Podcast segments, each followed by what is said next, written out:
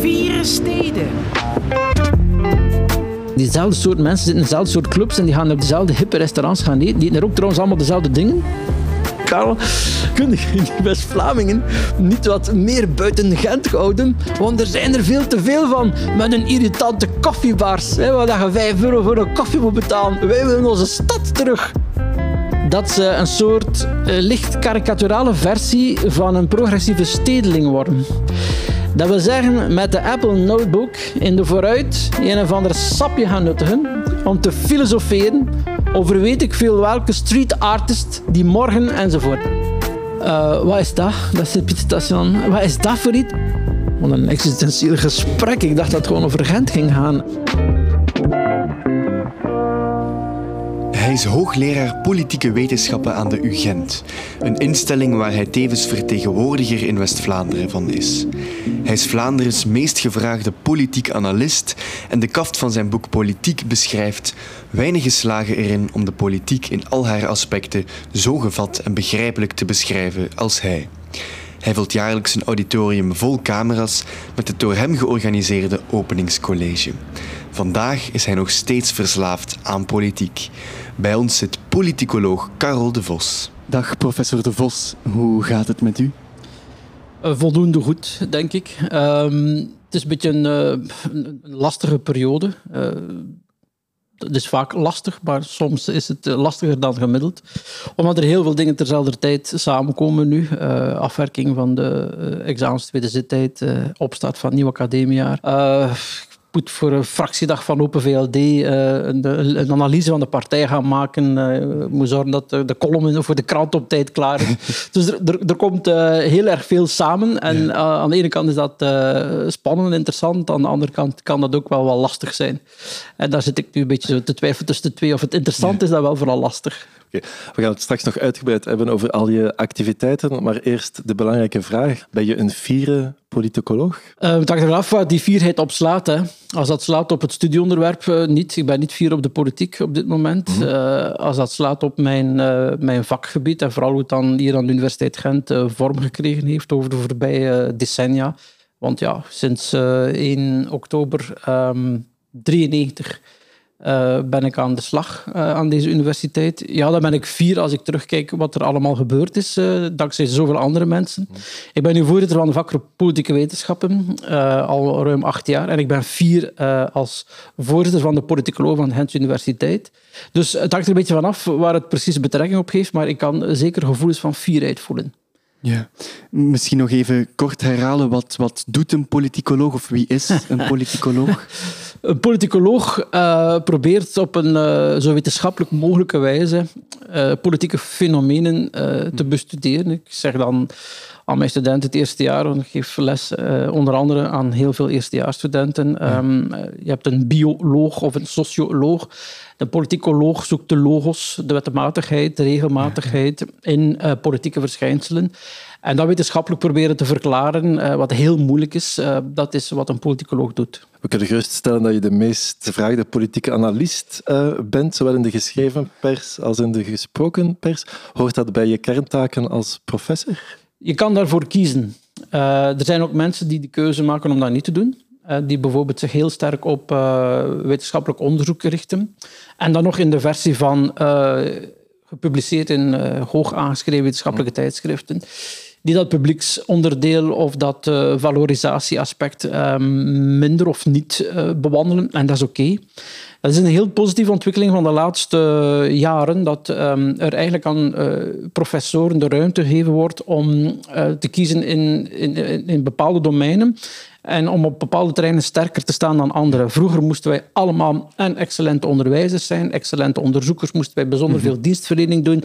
Zowel uh, in, in, in, in het algemeen maatschappelijk debat een bijdrage leveren, dan weer iets anders. En dat kon je nooit tegelijkertijd allemaal goed doen. Maar de universiteit heeft in een slim HR-beleid eigenlijk de ruimte gelaten aan professoren om samen met anderen, dat heet een HR-commissie, om eigenlijk in die, samen met die collega's af te spreken wat wil je de komende jaren doen? Waar wil je in excelleren? En dat biedt mij bijvoorbeeld de vrijheid om uh, ja, in een aantal dingen, zoals bijdrage tot maatschappelijk debat, veel tijd te investeren. En daar word ik dan niet op afgerekend. Vanaf 93 werd je voor de uh, Ja, ik ben aan het nadenken. Ik ben in 88 ben ik hier begonnen als student. Dus tot 92 en dan nog een, ja, 93. Ja. ja. Enkele weken geleden verscheen het nieuws dat UGent op de 74e plaats staat van beste universiteiten ter Ja? wereld. Ah, dat weet ik niet. Ja. Wat doet dat Niets. als werknemer? Niets. nee, ik volg dat niet. Dat interesseert mij eerlijk persoonlijk gezegd eh, geen fluit. Nee. Ja, dat is één tabel en twee weken later is er een andere. Dan zijn er niet meer 74, maar 83 of 150. Ja, ik vind dat, allee, voor mij is dat irrelevant. Ik vind ook dat niemand hier in mijn omgeving daar iets aan heeft, of als je daarop staat of niet. Referentiepunt is niet, sta je in de vierde, op de 74 plek van de 5000. Het referentiepunt is, wat vinden collega's waarmee je werkt? Of vinden de, ehm, de vrienden, de peers, de mensen waar je zelf, um, aan wiens oordeel je zelf belang hecht, wat vinden zij van, van jouw werk van de universiteit? Wat vinden studenten daarvan? En of dat nu voor de universiteit plek 7000 op pla- plaats 7 oplevert, het interesseert me eerlijk gezegd niet. Op het moment van opname, nu zijn we half september. De herexamens zijn net achter de rug, maar het nieuwe academiejaar komt er alweer aan. Eh, bij jou gaat dat altijd gepaard met een heus openingscollege. Hoe komt het dat dat zo'n mediacircus geworden is? Heel veel studenten, dus net eerste semester, eerste jaar, die, die, die zijn eigenlijk vrij onder de indruk van, ehm, van wat gebeurt op dat moment in dat grote auditorium. En je praat, de eerste les worden heel belangrijke dingen gezegd over de cursus, wat er van u verwacht wordt, enzovoort. En ik voelde vaak dat ik over de hoofden van die mensen heen praatte, want die waren een beetje te zeer onder de indruk van, van de nieuwigheid. En ik dacht, hoe, hoe, kan ik dat, hoe kan ik nu iets organiseren dat, dat die studenten vanaf die eerste les, maar dus het is, het is dan mislukt omdat het te fel werd, hè? hoe kan ik ervoor zorgen dat de studenten vanaf die eerste les een keer heel, alles, alles heel erg nauwgezet volgen en dat de tussen aanhalingstekens verloren eerste les toch nuttig gebruikt wordt. En zo, maar uh, zo, en, en, zo ben ik bij, um, uh, uh, wie was de eerste? Um, Verhofstadt. Mm -hmm. Ben ik bij Guy Verhofstadt terechtgekomen. En ik vroeg hem, ben je bereid om eens aan de studenten jouw weekagenda te delen om te tonen wat een eerste minister in een week allemaal doet. Ja. En dat biedt um, de gelegenheid om eens uh, te tonen de praktijk. Hè, wat, wat, we kunnen wel uh, doseren en leren over politiek, maar de praktijk is vaak anders.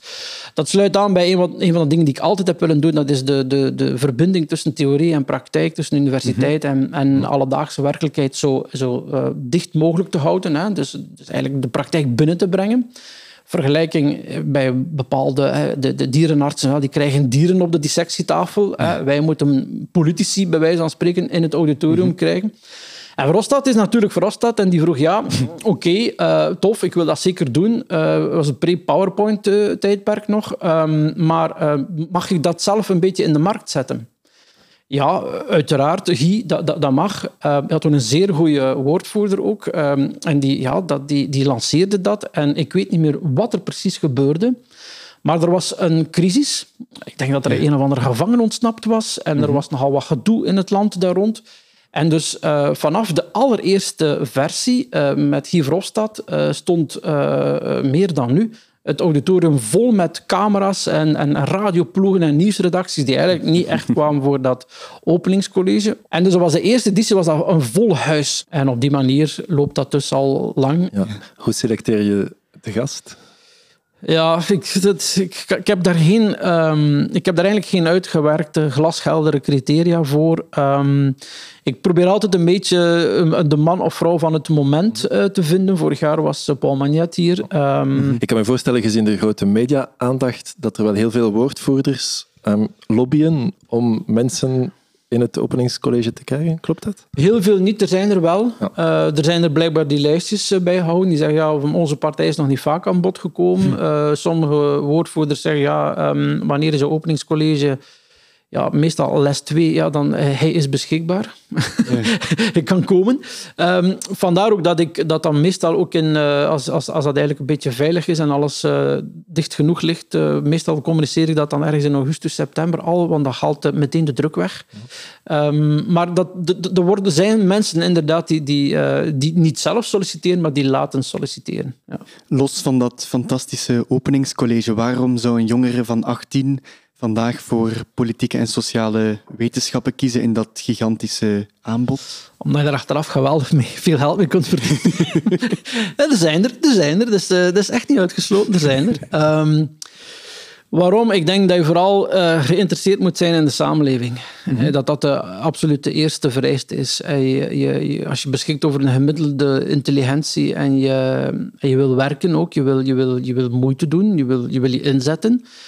Elke hogeschoolopleiding, universitair of niet, vraagt dat. Um, uh, gemiddelde intelligentie en je zet je in, maar vooral je moet geïnteresseerd zijn in de samenleving in de mens en samenleving. Het moet, u interesseren wat er met onze maatschappij aan het gebeuren is. Um, of het nu gaat over uh, klimaat of asiel of um, de invloed van nieuwe media op menselijk gedrag.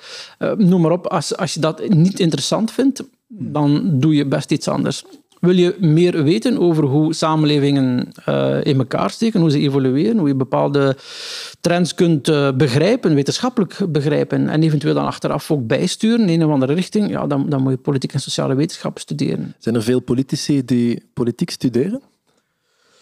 Er zitten niet zo heel veel uh, afgestudeerde uh, politieke wetenschappen in het parlement. Er zijn er wel, uh, Wouter de Vriend, nog, nog anderen, Ben Weitz. maar ik weet niet, ik heb dat nooit geteld. Meestal wordt er geteld hoeveel universitaire scholen er zijn. Rechten is daar oververtegenwoordigd. Dat zie je dus ook aan het beleid van het land. dat is een grapje, want ik geef met heel veel plezier les aan de eerstejaarsstudenten rechten. Maar um, um, ik, denk niet, ik denk niet zo heel erg veel. Ik weet eigenlijk niet. Ik kom wel veel... Um, oud-studenten tegen als ik daar rondloop in, in, in het parlement, dus ook vaak bij media of, of, of als een kabinet passeer of in de administratie. Dus, dus ja. ze zitten wel in de, in, in, in, de, in de wedstrijd, in het politieke métier, maar nu volbloed uh, politicus, minister, parlementslid, ik weet niet of daar heel veel politicologen bij zitten. Ze zijn er, maar ik denk niet oververtegenwoordigd. Ja. Je kwam dan vanuit het exotische West-Vlaanderen hier in Gent eh, studeren. Hoe was je eerste contact of je eerste indruk van Gent? Um, Uh, vuil. Uh, ja, vuil.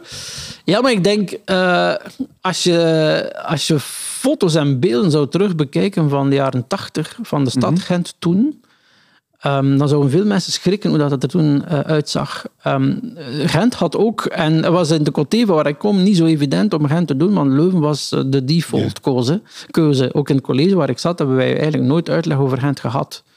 Dat was allemaal Leuven. Um, dus ja, bon, dat is die katholieke zuil die nog altijd, nog steeds vandaag is dat voor een stuk zo wel functioneert. Uh, dus maar bon, ik wou Gent en, en mijn ouders vonden ook wel oké, okay, want daar is minder ver rijden uh, enzovoort. Um, maar ik weet nog dat uh, dat, dat, dat een vuile um, indruk gaf. Ik bedoel, vuil, versleten gebouwen, vuil ja. op straat, dat soort van dingen.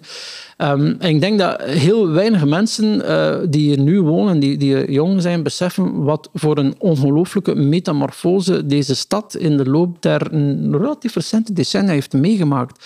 Wat was Gent? Een versleten industriestad. Uh, staal, goed, ziet maar is er nog, heel toekomstgericht. Mm -hmm. Textiel, uh, een beetje haven. was, was eigenlijk een, een, een, versleten industriestad op dat moment. En dat is um, in de voorbije decennia voor een stuk helemaal niet alleen maar, maar voor een stuk door de universiteit, door het onderzoek, door, door, door Techline, de wetenschapsparken, al wat er rondgekomen is, door, door de hogescholen die naar hier zijn gekomen en zijn blijven hangen, is, is Gent ongelooflijk getransformeerd uh, de voorbije uh, decennia.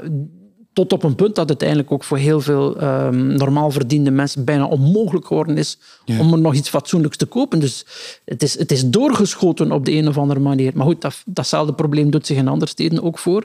Maar dus het, het Gent van vandaag is uh, onvergelijkbaar, maar het Gent dat ik leerde kennen toen ik in het voorjaar van 88 hier met mijn ouders op zoek uh, ging naar een, naar een kot. En uh, allee, nu is de opa verteld, dat is pre-internet, hè? dat is pre-website, pre- uh, pre-smartphone. Hè? Dus dat, dat, bestond niet. Hè? Dat was met, met, de, met de auto en de fiets rondkrossen in Gent op zoek naar, zoek naar bordjes. bordjes. waarop stond kot te huur.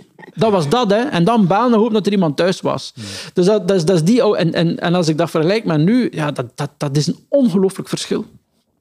Ja. Ik zou het nu niet meer vuil noemen, maar de, de vraag was toen. Ja. We maken met Vier Steden een alternatieve niet-toeristische gids van Gent. Uh, welk liefst niet vuil plekje uh, zou daar volgens u in moeten? Ja, ik moet eerlijk zeggen, ik ben... Um, mijn relatie met Gent is een beetje uh, heen en weer. Dus ik heb hier gestudeerd, ik heb hier jaren gewoond. Ik ben dan rond, ik weet ik denk 95, 96, um, heb ik Gent verlaten richting West-Vlaanderen. Uh, ik woon daar nog altijd, maar ondertussen woont de helft van mijn kinderen hier. Uh, ik ben natuurlijk, uh, dat is mijn enige werkgever tot nu toe geweest, altijd aan de UGent gewerkt. Dus ik kom hier heel vaak. de laatste jaren minder, omdat ik andere verantwoordelijkheden heb gekregen binnen de universiteit. Dus dat is, dat is voor mij altijd een, een, een bijzondere plek en voor een stuk ook wel thuiskomen. Ik heb heel graag aan de schoolkaai gewoond. Um, toen nog met de flyover, toen, toen nog helemaal niet. Het is vandaag veel uh, mooier uh, en rustiger ook dan het toen was, maar ik heb er eigenlijk altijd graag gewoond, dicht bij de moskee, vrij uh, multiculturele buurt. en dus het moet voor mij niet in een boekje, maar dat is eigenlijk de enige plek waar ik echt grote emotionele binding mee heb. Um, ik heb er graag gewoond. Um, en ik sluit ook niet uit dat, dat ik er ooit terug kom wonen. Um, ik denk dat dat ergens wel zal gebeuren ooit. Uh, ook omdat, ja, twee van mijn dochters wonen hier, dus je komt hier al relatief vaak. Uh, ik moet hier heel vaak zijn. En mijn vrouw is Noord-Vlaams en die, die voelt het ook trekken.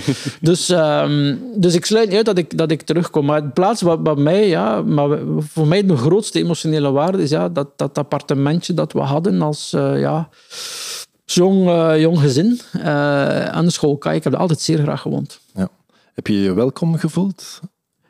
Ja, ja ik, natuurlijk, ik, ik leerde het als student kennen. Ehm, ik, het was een beetje wennen om nadien niet meer als student in Gent te wonen. Dat is, dat is eigenlijk een andere manier uh, van werken, van leven ook. Um, maar ik heb, ja, ik heb, ik heb er altijd... Ik, ik heb altijd wel voor een stuk thuis, ook omdat er een zeer grote West-Vlaamse delegatie in, uh, in, eh, in Gent woont. Ehm, maar ik heb altijd, dus ik kom graag naar Gent, maar ik heb altijd Gent een, een, een, een dorp gevonden. En ik vind dat eigenlijk nog altijd. Uh, en ik bedoel dat echt niet denigrerend voor mensen.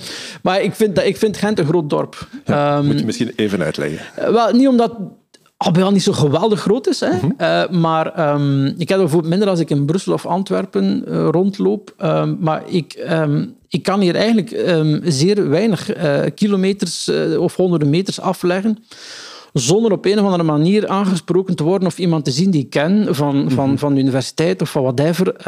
en toen ik als assistent hier ook, uh, dus jong, jong onderzoeker aan de universiteit woonde, en ik, ik weet nog goed, ik ging naar de koolruit, hè, ja, dan, dan waren er, dat, dat is niet erg, hè, bedoel, maar dan waren er studenten die daar rondliepen, ach, en je wordt bij wijze van spreken in je kar beloerd.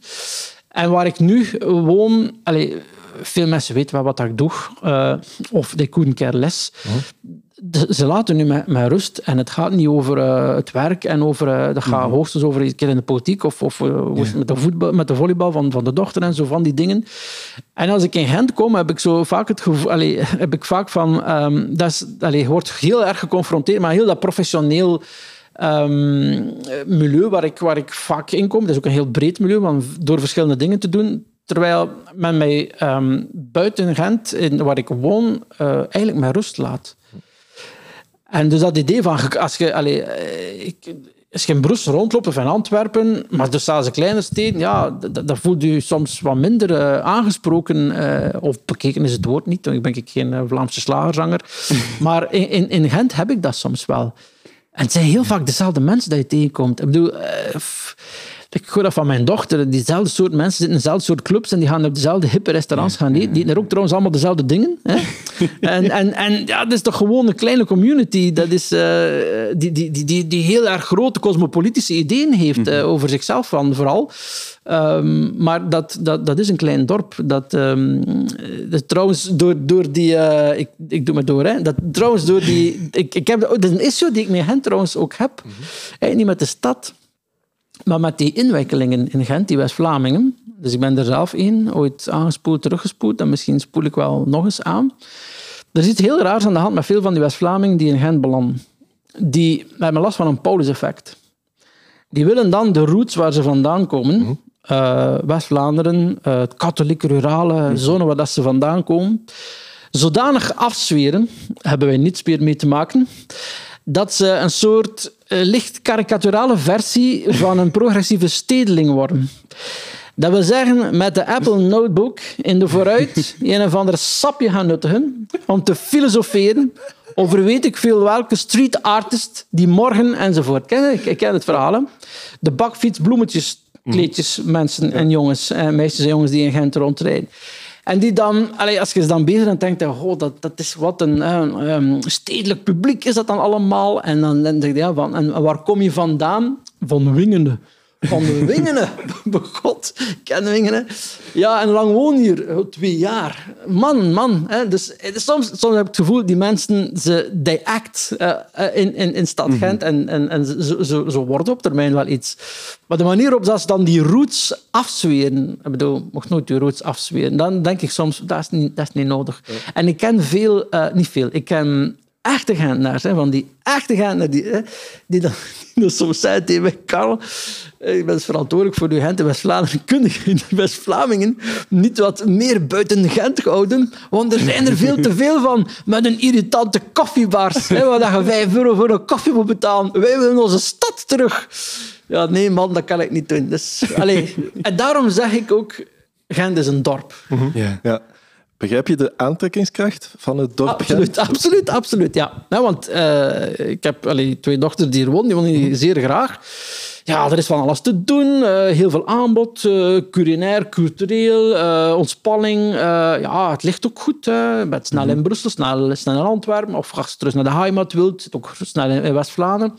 Dus ja, ik snap het. En het is een veel mooiere stad geworden. eh, met met ja, vooruitziende concepten nu, die do- door veel andere steden gekopieerd worden. Rond eh, plaats van fiets, eh, zwakke weggebruiker, groen, groenstroken in de stad. Ja, eh, allee, ik, ik, vind, ik vind Gent een heel, allee, een, een heel aantrekkelijke stad. Ja. Terug naar het echte West-Vlaanderen. Want na het behalen van je doctoraat in 2000 eh, werd je kandidaat op de verkiezingslijst van toen nog SPA in Izegem. In heel veel interviews zeg je steeds dat je daar geen spijt van hebt, maar dat je het niet opnieuw zou doen. Is dat omdat je toen kleur bekend hebt? Nee, niet zozeer. Eh, ja, ja, ja, natuurlijk wel. Hè. Maar bedoel, ik heb daarom geen spijt van. Ehm, maar het wordt, heel, eh, het wordt eh, te pas en te onpas. Eh, en dat is ook niet erg, want ik, ik, ik kan het uitleggen, maar hoeft die uitleg niet te slikken. Allee, dat, dat, dat beslist iedereen zelf over. Het was een partij waar, waar ik mij destijds wel kon in vinden. Misschien niet de enige, maar ik kon me daar zeker in vinden. Het was eigenlijk een deal die ik had gesloten met een... ehm, ja, dat was toen de senaatsfractieleidster, Mirjam van Lerberg. Ik wou eigenlijk een lokale campagne van binnenin meemaken. Ik wou dat, eh, ik wou, ik wou dat zien, ik wou dat horen, ik wou dat voelen. eh, de lijstvorming, programma schrijven. En ik was, ik was een jonge assistent, dus allee, in Brussel nationaal, niemand kende mij, dus ik moest dat niet doen. En lokaal kon dat wel. En de deal, eh Mirjam zei, ja, je mocht eh, meedoen met alles van de partij, maar je moet wel op de lijst. En ik zeg, maar ik heb totaal geen politieke ambities. Ik wil ook niet verkozen worden. Ja, maar doet er niet toe, dat is gewoon lijstvulling. Zo leert de mens iets. Jonge gast, eh, Universiteit Gent, dat staat goed op de lijst. Ehm, dus ik heb dat toen gedaan. Ik wou ook niet verkozen worden. Ik zou nooit verkozen kunnen worden. Ik weet nog, allee, ik, er was een groepsfoto van alle kandidaten. Ik wou daar manifest niet naartoe. En toen, eh, dus ik haakte af en toen had men, om het op te lossen, mijn kop ehm, op een andere foto gevonden, uitgeknipt en op die foto geplakt van de kandidaten, maar eh, was pre, eh, heet dat daar? Foto? Photoshop. Photoshop. En dus mijn hoofd was disproportioneel groot, waardoor, waardoor het effect dat ik beoogd had teniet werd gedaan. Namelijk heel wat mensen die zeiden, waarom staat hij zo met een grote kop op die affiche? Maar goed, ik heb, eh, ik heb eh, alle affiches die ik gekregen had eh, bij het oud papier gedaan. En ja, niet verkozen. En voor mij was de medekous af. En ben, ik ben jarenlang hoofdredacteur geweest van Samenleving Politiek. Dat is geen liberaal-nationalistisch blad. Dus ik heb daar geen enkel probleem mee. Maar dat wordt... Dat is, allee, lijst, op een lijst staan en kandideren, dat is wel ja, voor sommigen de hoogste vorm van het outen van je politieke eh, ideeën. En dat, eh, dat wordt vaak misbruikt. Eh, en, dus daarom heb ik er last van, maar ik vond het wel interessant om, om het te doen. Zou ik het nu opnieuw doen? Nee, want ja, af en toe, ik, allee, ik heb er wel veel geleerd, maar om nu te zeggen dat ik het niet op een andere manier later zou geleerd hebben, allee, ik, zou dat wel, ik zou dat wel ingehaald hebben.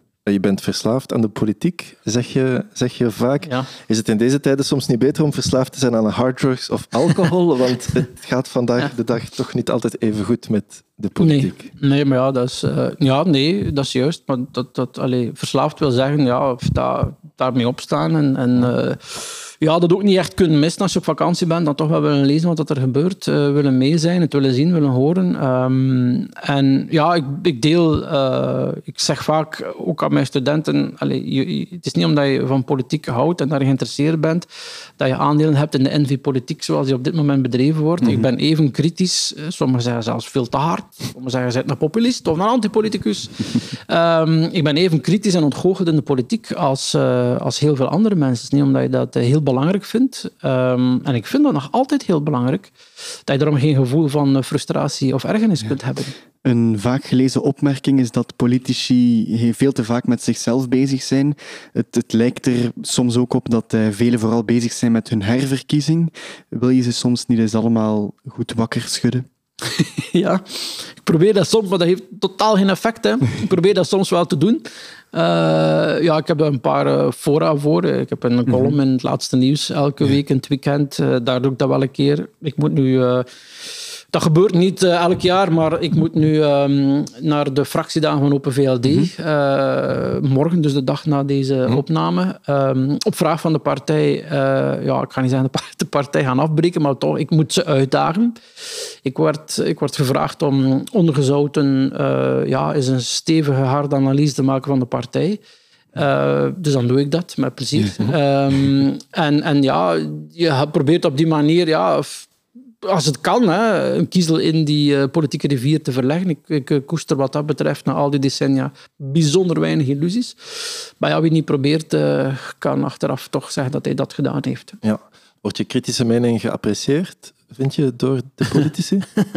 dat hangt er heel erg van af. Um, meestal de, de zaterdag, uh, als er WhatsApp-berichten verschijnen, dan zijn er sommigen die zeggen, ja, juist of goed gedaan. En een ander die zegt, ja, maar wat voor een complete onzin is dat hij schrijft. Dus uh, ja, dat hangt heel sterk van uh, over wat hij schrijft, over wie op welk moment en op welke manier. Dus ja, dat is, dat is, ik kan niet zeggen dat iedereen elke week applaudisseert. Ik kan ook niet zeggen dat iedereen altijd uh, vindt dat het onzin is. Dat varieert. Maar ik denk dat ik kan zeggen, na al die decennia ondertussen daar rond te lopen, ja, dat er toch een vorm van, uh, het is trouwens perfect wederzijds, hè, een vorm van uh, ja, erkenning, respect uh, is. Allee, ik probeer een aantal dingen echt te vermijden. Dat is het echt op de man spelen, ook op persoonlijke... Mm -hmm. Ook empathisch te zijn, ook altijd de context waarin dingen gebeuren proberen te duiden. Um, vaak ook uh, over, ja, dat is gevaarlijk, hè, maar over de politiek of een partij en niet over mensen op zichzelf te gaan spreken. Dus er zijn wel wat manieren om, om de druk op individuen te verminderen. En, um, en, ook, en ook ik, ik verdedig ze ook vaak. Hè. Ik, bedoel, ik, ik, ik, heb al heel, heel uh, dikwijls geschreven dat het gros van de politici bestaat uit... Um, goedmenende mensen die um, het beste met ons voor hebben. En zij definiëren dat best op een bepaalde manier. Misschien ben je het daar niet mee eens. Maar die echt oprecht uh, een betere samenleving willen achterlaten. Die ook wel blij zijn met de voordelen die dat biedt enzovoort. Dat, dat mag. Maar uh, het idee dat dat allemaal zakkenvullers zijn, um, die alleen uh, uit zijn op ja, materiële welvaart, dat is niet waar. Want een aantal van hen, niet allemaal, zouden elders evenveel of meer kunnen verdienen, bijvoorbeeld. Maar ik ontmoet uh, um, heel vaak weg van media in, in, in, in meer persoonlijke gesprekken broze, twijfelende mensen die, die met oprecht uh, onzeker maar ook oprecht goede voornemens eigenlijk ja, een best doen, zoals wij dat allemaal proberen te doen.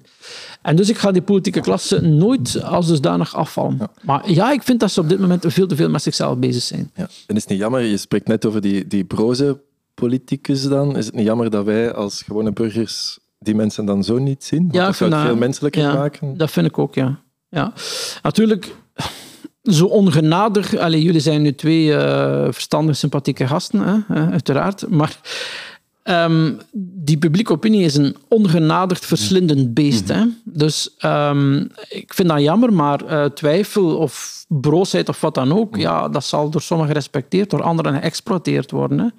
En dus mensen durven niet meer kwetsbaar zijn, uh, waar dat, dat, dat, dat nu wel een beetje beter is dan vroeger, maar bijvoorbeeld politie die fundamenteel twijfelen over dingen, ja, dat mag je niet laten zien, die twijfel. Je moet, je moet, je moet goed getraind, uh, zelfzeker, um, offensief uh, voor de dag komen en je punt maken in 14 seconden als dat kan.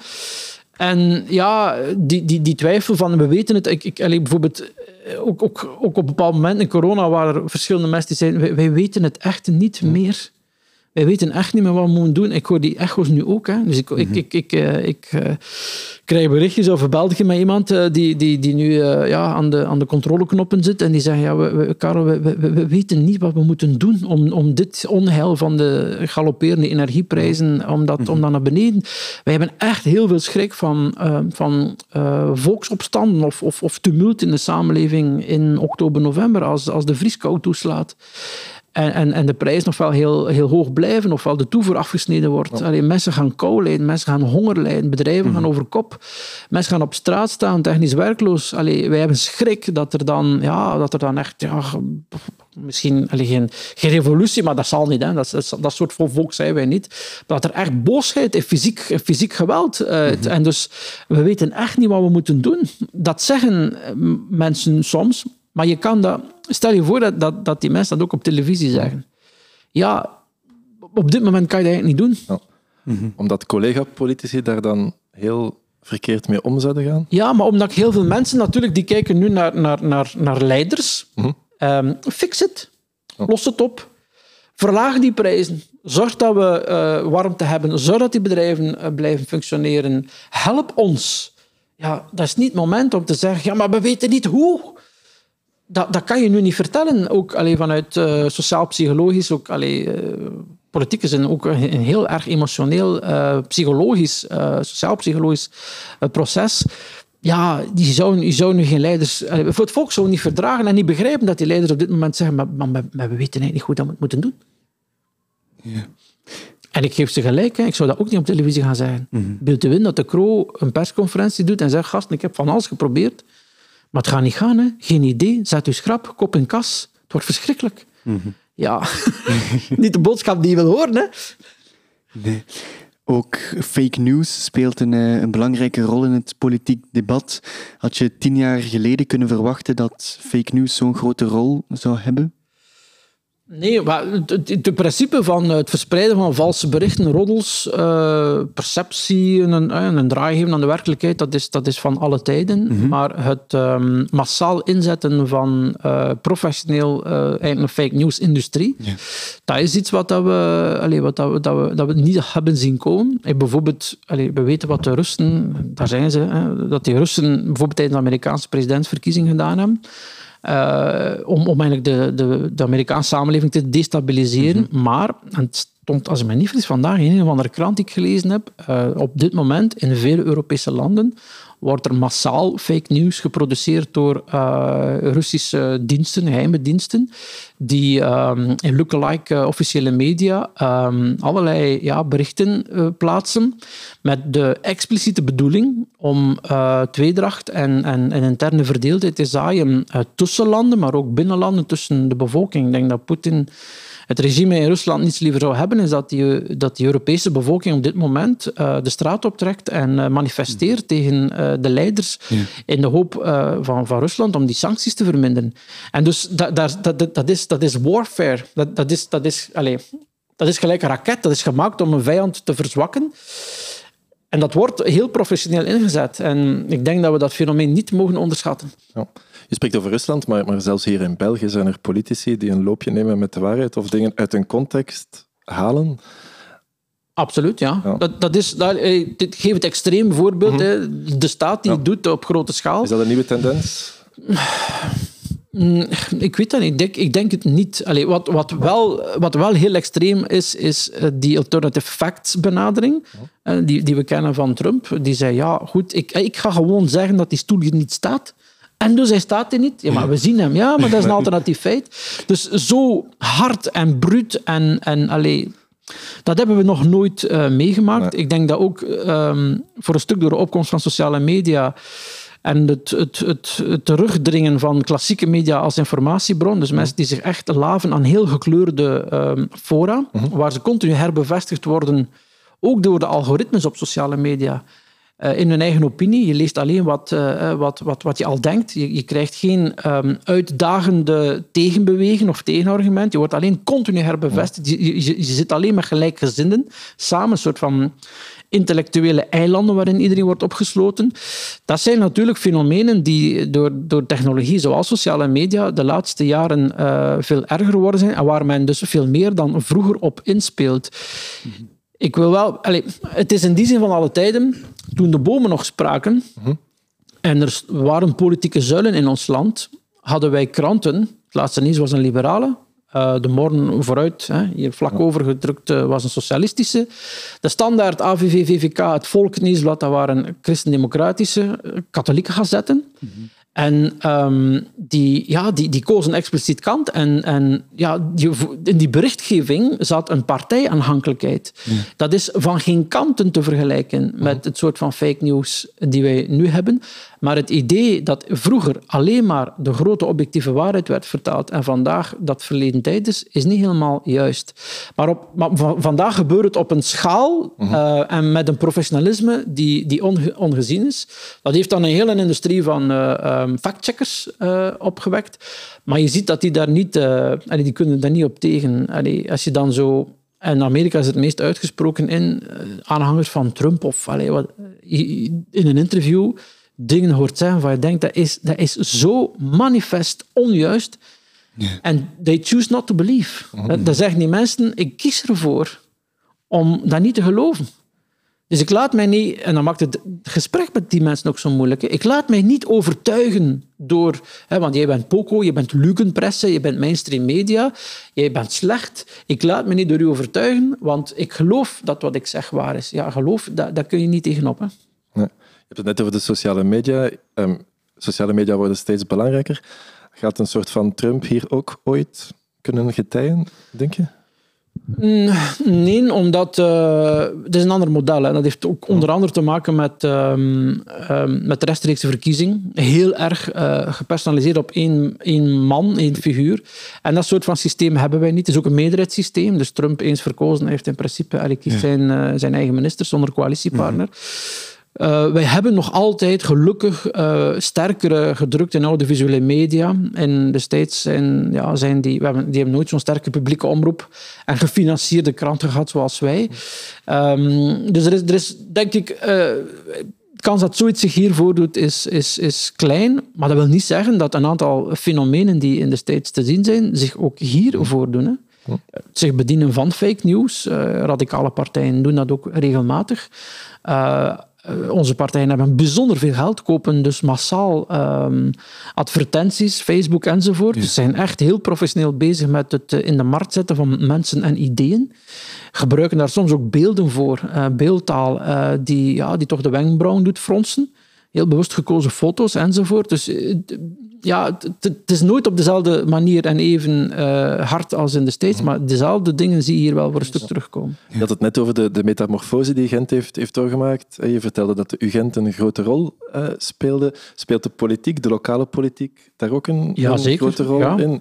Moest je het rapport moeten opmaken van de, de, de Gentse politiek? Oei. Zijn ze uh, gebuist, zoals vele studenten, of valt het mee?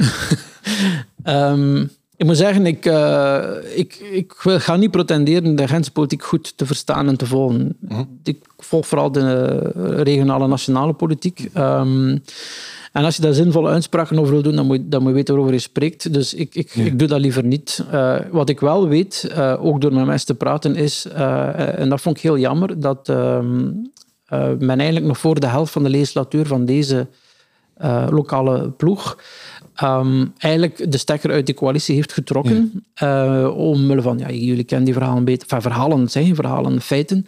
Hè, dus het samengaan van Vooruit en Open VLD. Ja. En we zien nog wie erbij aansluit uh, als een soort lijst van de burgemeester voor 2024. Ook als gevolg van decreetveranderingen voor de komende verkiezingen. Maar eigenlijk, ja, enfin, Matthias de Klerk wil burgemeester blijven en Vooruit wil groen in de stad terugdringen. Waarschijnlijk in de hoop dat zes jaar later in uh, 2030, als uh, de Klerk versleten is, dan weer een SOS burgemeester te maken. Allee, ik denk dat dat zoiets moet ja. zijn. Ehm, en dat is jammer, want ik heb in dat debat heel, veel, heel weinig gehoord over visie, ideologie, eh, ideeën, maar heel veel platte partiepoliticien met berekening. postjes bezig. Ja, En, en dus los van wat die coalitie al of niet eh, doet, ik, ik denk dat sindsdien, en dat zeggen schepenen mijzelf, eh, de, de coalitie niet goed meer functioneert en dus zwaar onder haar eigen capaciteit presteert. En eerlijk gezegd, ik vind dat je dat ook merkt. Ehm, Het eh, controversiële, maar wel mobiliserende en, en ook voor een stuk ide- identiteitsvormende circulatieplandebat. En ik heb nog eh, eh, een burgerparlement begeleid eh, rond, rond het circulatieplan. Ehm, en dus daar gezien hoe, hoe, hoe dat, dat mooie en lelijke dingen naar boven bracht. Dat soort van mobiliserend project ehm, heeft deze, deze legislatuur niet. Eh, En als je dan vraagt, ja, wat, wat, wat, wat zijn jullie nu mee bezig? Ja, eh, hier, eh, hoe moet dat wintercircus hier, hoe moet dat hier? Eh, We gaan, van, we gaan van Gent, de hoofdstad, van de app-technologie maken. Oké, right. Hè? Wat hebben die mensen daar in, in Ledenberg aan? Hè? Eh, dus ik, ik, ik, vind, ik vind dit ehm, een flauwe, eh, ja, flauwere versie van de, van de vorige legislatuur. En dat hebben ze eigenlijk voor een stuk zelf gezocht door de coa- coalitie halverwege op te blazen. En ik vind dat doodzonde. Dat politici zo met eigen strategies bezig zijn eh, van 2024 tot 2030 om in 2022 eigenlijk de boel op te blazen. Ik vind dat eigenlijk vind ik dat niet oké. We hebben ook bij Vieren Steden een vergeetput waar iedere centrale gast iets in mag dumpen. Iets, eh, een minder mooie kant aan Gent. Eh, Is dat? Dat kan, dat kan Oké. van alles zijn. Mag ik daar iets in dumpen dan? Mag ik, Dat mag, Eh, ik vind, ik, eh, maar het, ehm, het is een beetje... Het is een heel grote put. Het is een heel is een grote put.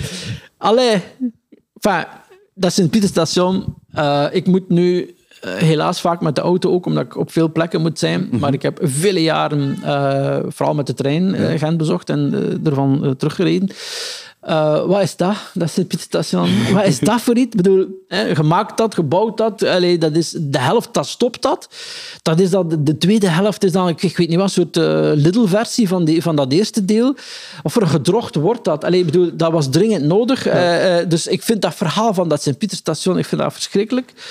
Zegt ook iets over de ja, capaciteit van Gentse, misschien Oost-Vlaams in het algemeen, maar Gentse politici om dat soort van dingen... Het zou mijn luik geen waar zijn, hè, om dat soort van dingen ehm, in Brussel te attenderen. Dus, dus ik vind dat de politieke force van Gent, eh, zeker als je dat vergelijkt met Antwerpen, hè, dat spreekt voor zich, eh, echt zwak is. Ik heb ook niet het gevoel dat dat geweldig gaat verbeteren de komende jaar. En dus Sint-Pieterstation is voor mij, voor mij een, een teken van... Allee, dat, is, dat is ergens misgelopen tussen, tussen eh, eh, Gent en de NMBS, dus de, de regering ook voor een stuk. Maar dat zegt iets over de slagkracht van Gent. Dat zegt iets over de, de, de, de, de consensus en de cohesie in Gent. Want allee, als alle Gentenaars naar de NMBS waren gevlogen en gezegd van mannetjes, je gaat dat station hier afver en regering, je gaat dat geld voor geven, want wij zijn luik. Ja, dat was dat wel gelukt. Dus f- smijt het maar in de vergeetput. Want het is een pijnlijke herinnering aan wat had kunnen zijn. Oké. Als je even ehm, je hoofd wil leegmaken en alle farsen rond het station wil vergeten, waar gaat Karel naartoe hier in Gent om een frisse pint te drinken? Of is moet eerlijk, te zijn, ik eten? moet eerlijk zijn dat ik dat niet zo vaak doe. Eh, nee, eh, ja, omdat ja, ja, je komt hier toe gewerkt. Werkt soms te lang en dan... En dan eh, ehm, maar ja, ik zit nogal vaak bij de buren. Enfin, vaak. Als ik, dan kom ik bij de buren hier op het terras van...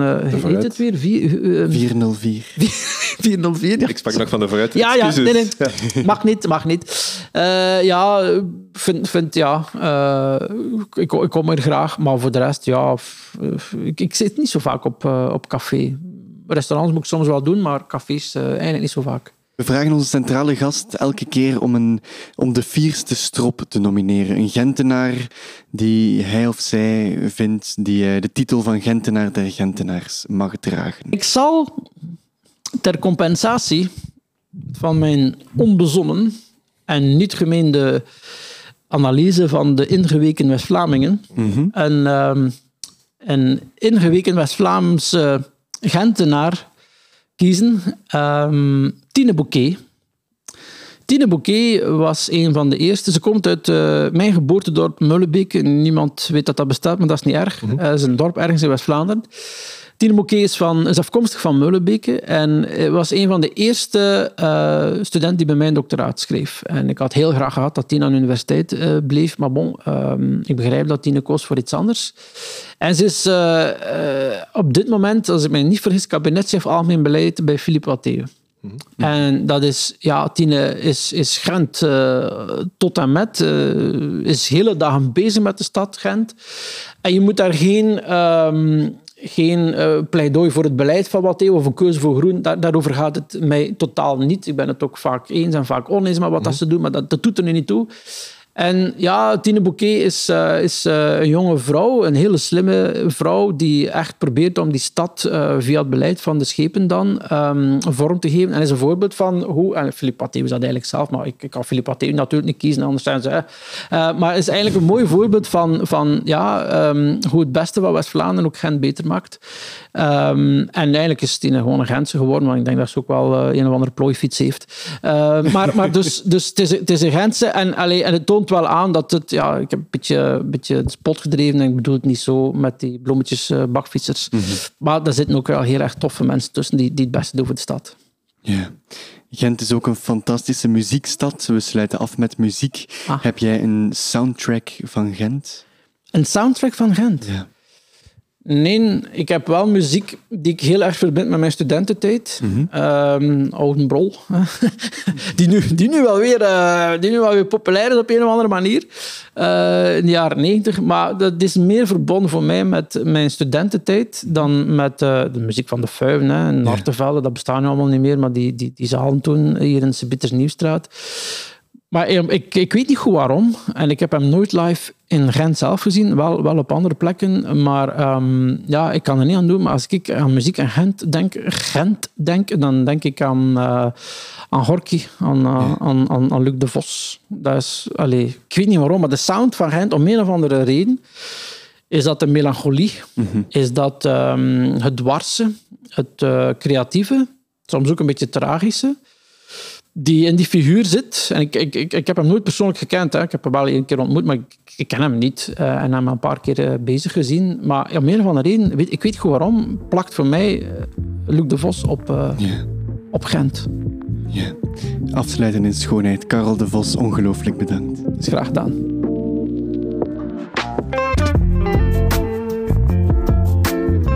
Je luisterde naar Vieren Steden, een podcast over Gent, gemaakt door echte Gentenaars.